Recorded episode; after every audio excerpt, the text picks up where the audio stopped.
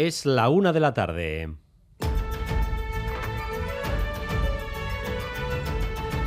Crónica de Euskadi con Dani Álvarez. A Rachaldeón, mañana termina el plazo para solicitar el voto por correo de cara a las elecciones del día 23. La avalancha de peticiones está motivando retrasos, escasez de papeletas y sobres y nervios entre quienes se van de viaje de forma inminente. Temen quedarse sin votar en unas elecciones muy determinantes y muy, muy igualadas. Pero lo cierto es que a base de paciencia y de meter horas en las oficinas, los problemas poco a poco se van desatascando. Xavier Madariaga, Rachaldeón. Sí, lo comprobamos en oficinas de correos como esta en la que estamos. Estos días son más colegios electorales que sucursales de mensajería. Entra casi más gente a votar que a por paquetes. Ningún, sin ninguna dificultad. Bai, arazorik gabe da izan inolako arazorik. Bien, muy rápido, la verdad que muy rápido. Por lo general el voto por correo, lo escucháis, funciona, pero hay nervios. Se acerca la fecha de salida de vacaciones y las papeletas no asoman en muchos casos o incluso el juego de papeletas llega incompleto. Toca insistir, pero lo dicho, el voto por correo funciona y echa humo. No hay más que comprobar las imprentas. Solo en Vizcaya, por ejemplo, casi se ha cuatruplicado el volumen de papeletas que de manera urgente toca imprimir para que todo llegue a tiempo. No hay números definitivos porque aún quedan 24 horas de plazo para solicitar ese voto, pero sabemos que vamos a un récord de voto anticipado, prácticamente el doble que hace cuatro años. Casi el 7% de los votantes darán su voto por correo, es decir, un volumen que inevitablemente va a provocar atascos. Madrid y Sarobaza.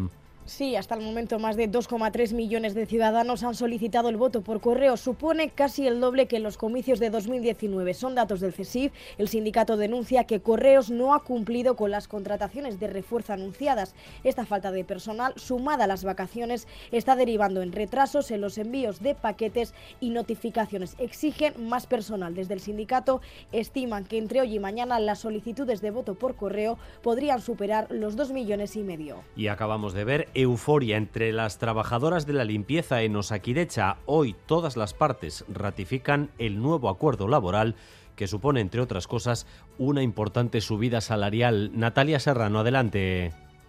Sí, pero esa euforia comienza a convertirse aquí también en nervios, porque hace hora y media tenía que estar ratificado ese acuerdo por las partes, sindicatos, empresa subcontrata y gobierno vasco y lo cierto es que no acaban de salir de esta delegación del gobierno vasco en Bilbao. Así que las decenas de trabajadoras que esperan en los exteriores la llegada de este acuerdo pancarta en mano y megáfono en mano recuerdan, como podéis escuchar de fondo, que la limpieza no se rinde.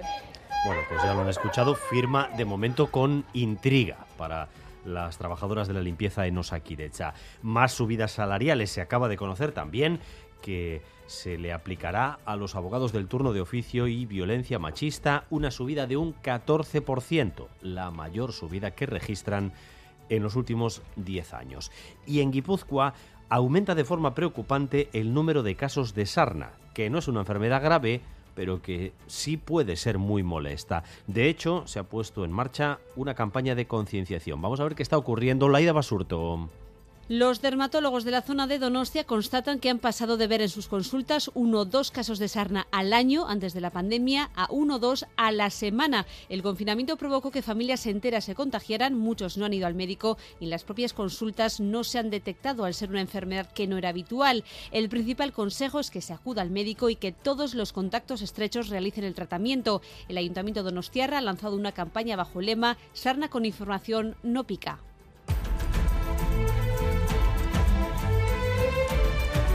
En el ámbito internacional, el brillo de Zelensky pierde fulgor. Su presión para entrar en la OTAN no cuaja. Los socios del tratado no quieren llevar a Rusia al rincón con una medida que sería tomada como la última línea de la provocación por parte de Vladimir Putin. Hoy había una comparecencia conjunta entre Zelensky y el secretario general de la OTAN. ¿Qué ambiente había, Óscar Pérez? Pues la rueda de prensa ha comenzado con un gesto muy serio de Zelensky. No había sonrisas al principio y he escuchado atento a Jens Stoltenberg decir que les han allanado el camino a la integración más que a nadie en la historia. Ukraine is now closer to NATO than ever before. Ucrania está más cerca que nunca de la alianza, ha dicho Stoltenberg minutos antes de que comenzara la primera reunión del nuevo Consejo Ucrania-OTAN. Zelensky no ha arrancado una fecha para el ingreso de su país, pero dice estar satisfecho. Que el G7 se haya mostrado dispuesto a dar garantías de seguridad es un hecho y concreto e importante, ha asegurado Zelensky, que al final hace un balance positivo, ha dicho, del resultado de la cumbre. Y un nombre propio hoy en la cultura porque ha fallecido a los 94 años el escritor checo Milan Kundera, uno de los creadores europeos más relevantes del siglo XX. Abordado en ensayos, poemas y novelas temas como el exilio, la identidad o el eterno retorno. La insoportable levedad del ser es, como saben, una de sus grandes obras. Y desde esta misma mañana la marcha Urmuga, que combina montañismo y música, recorre en varias etapas nuestro país de oeste a este. Lo hace por la divisoria de aguas que delimitan la cornisa cantábrica y mediterránea. Esta primera etapa ha partido desde el puerto de Angulo y finalizará en el de Orduña, donde el grupo Ballet en Lovac ofrecerá un concierto junto a la ermita. Desde el mismo inicio de la marcha ha habido música de gran calidad. Felipe Uriarte es uno de los organizadores de Urmuga explicándonos cómo ha sido el arranque. Urmuga ja abiatu da, mendizaleok ja pausez pauso gabiltza, e, angulo portutikan abiatuta. Musikariak eskaini digute bore askamara taldeak eta aitor e, arburu ikitelaria eta beste lagunak kontzertu txiki koskorra zoragarria e, gaur mendile horran, eta bueno, abian daude. Y vamos también con lo más destacado del deporte, que sigue teniendo hoy un nombre muy destacado. César Predegazola, Zarracha León. León, pues sí, Pello Bilbao, que no ha pasado, fíjate, Dani, ni 24 horas desde su victoria ayer en la décima etapa del Tour de Francia y su equipo, Bahrein Victorious, ha anunciado esta mañana que renueva el contrato del Guernicarra hasta el año 2026. El actual acababa el próximo curso. En fútbol, Alex Balboa, el canterano gastistarra, seguirá defendiendo la camiseta del Deportivo La Vez tres temporadas más. El canterano albiazul, que es internacional con Guinea Ecuatorial, continuará por tanto en Vitoria después de que el club haya hecho hoy oficial su renovación para las próximas tres temporadas.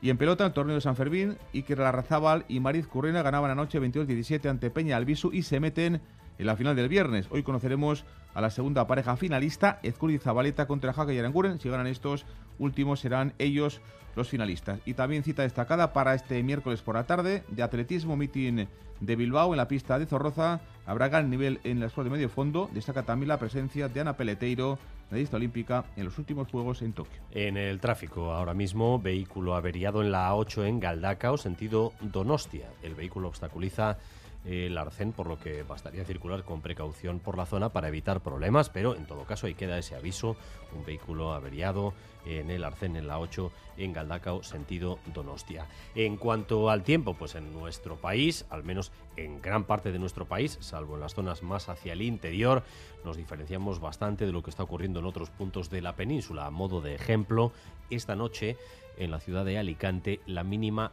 la mínima ha sido de 26 grados, durmiendo fresquito en Alicante. Aquí no llegamos a los 26 ni de día. Eh, nubes y viento del norte para esta tarde, según la previsión de Euskalmet, especialmente en la vertiente cantábrica. De hecho, hacia el final de la jornada podrían producirse algunas lloviznas. En el Valle del Ebro las temperaturas respiran algo, pero se van a mover todavía alrededor de los 30 grados. 22 tenemos ahora mismo en Pamplona, Bayona y Vitoria-Gasteiz, 23 en Donostia, 26 grados de temperatura en Bilbao. Gracias un día más por elegir Radio Euskadi y Radio Vitoria para informarse. Paula Asensio y José Ignacio Revuelta en la dirección técnica, Aichiber Bilbao y María Cereceda en la coordinación. Crónica de Euskadi con Dani Álvarez.